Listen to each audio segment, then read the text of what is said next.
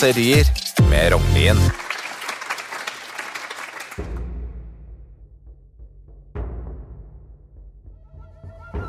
Så har også Norge fått sin åndelige leder, vår egen Dalai Lama.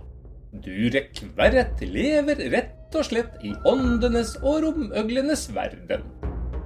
Märtha har ikke vært krystallklar på hvor hun kom i kontakt med sjamanen, men tatt i betraktning at hytta hennes lå på Bloksberg, har jeg en liten mistanke. Durek sier at en av hans fritidsinteresser er å prate med sine avdøde slektninger. Han er med andre ord en fargerik skapning, selv om jeg risikerer at han påkaller seg å være utsatt for rasisme med den slags ordvalg. Nå har han forlovet seg med Märtha, og Verret har visstnok gått tjenestevei og spurt kong Harald om hennes hånd. Men hvorfor stoppe der? Kanskje kong Olav og kong Haakon vil ha et ord med i laget? Eller kanskje han i samme slengen også burde ringe og be om tillatelse fra Eirik Blodøks og Olav den hellige?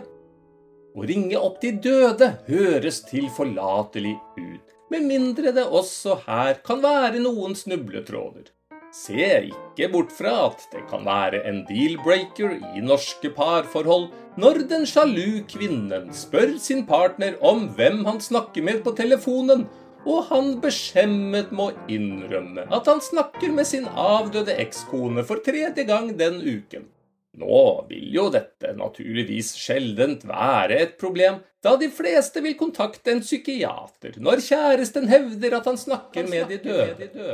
Men akkurat når det gjelder Märtha Louise, er jo ikke det tilfellet. I den grad vi skal gi Durek noen råd, som bortsett fra å gi seg med å selge helbredende medaljonger og annet juggel, må det være å ikke snakke med sine koner fra et av sine tidligere liv.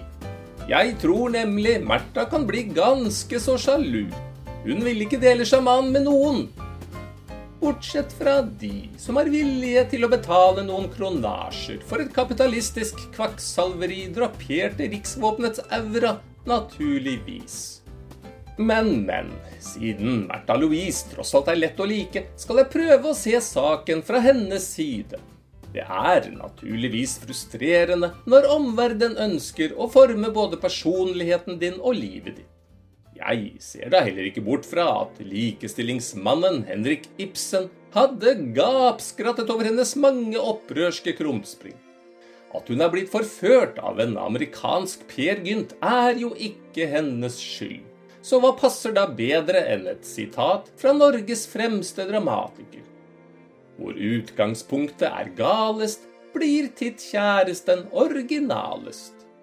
Kong Harald unnskylder sjamanens oppførsel med at amerikanere ikke skjønner bæret av hvordan et monarki fungerer.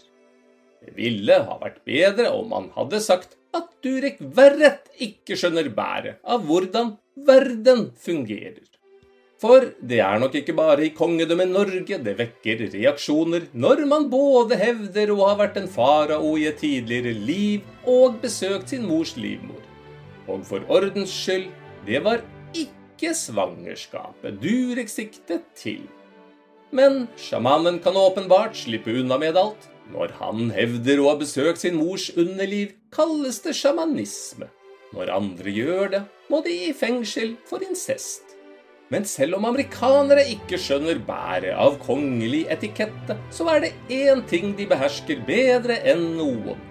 Hvordan å tjene penger.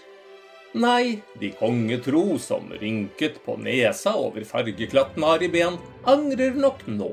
En frimodig forfatter fra Moss var kanskje ikke så ille allikevel. Dagens situasjon må sies å være betydelig Durek forverret.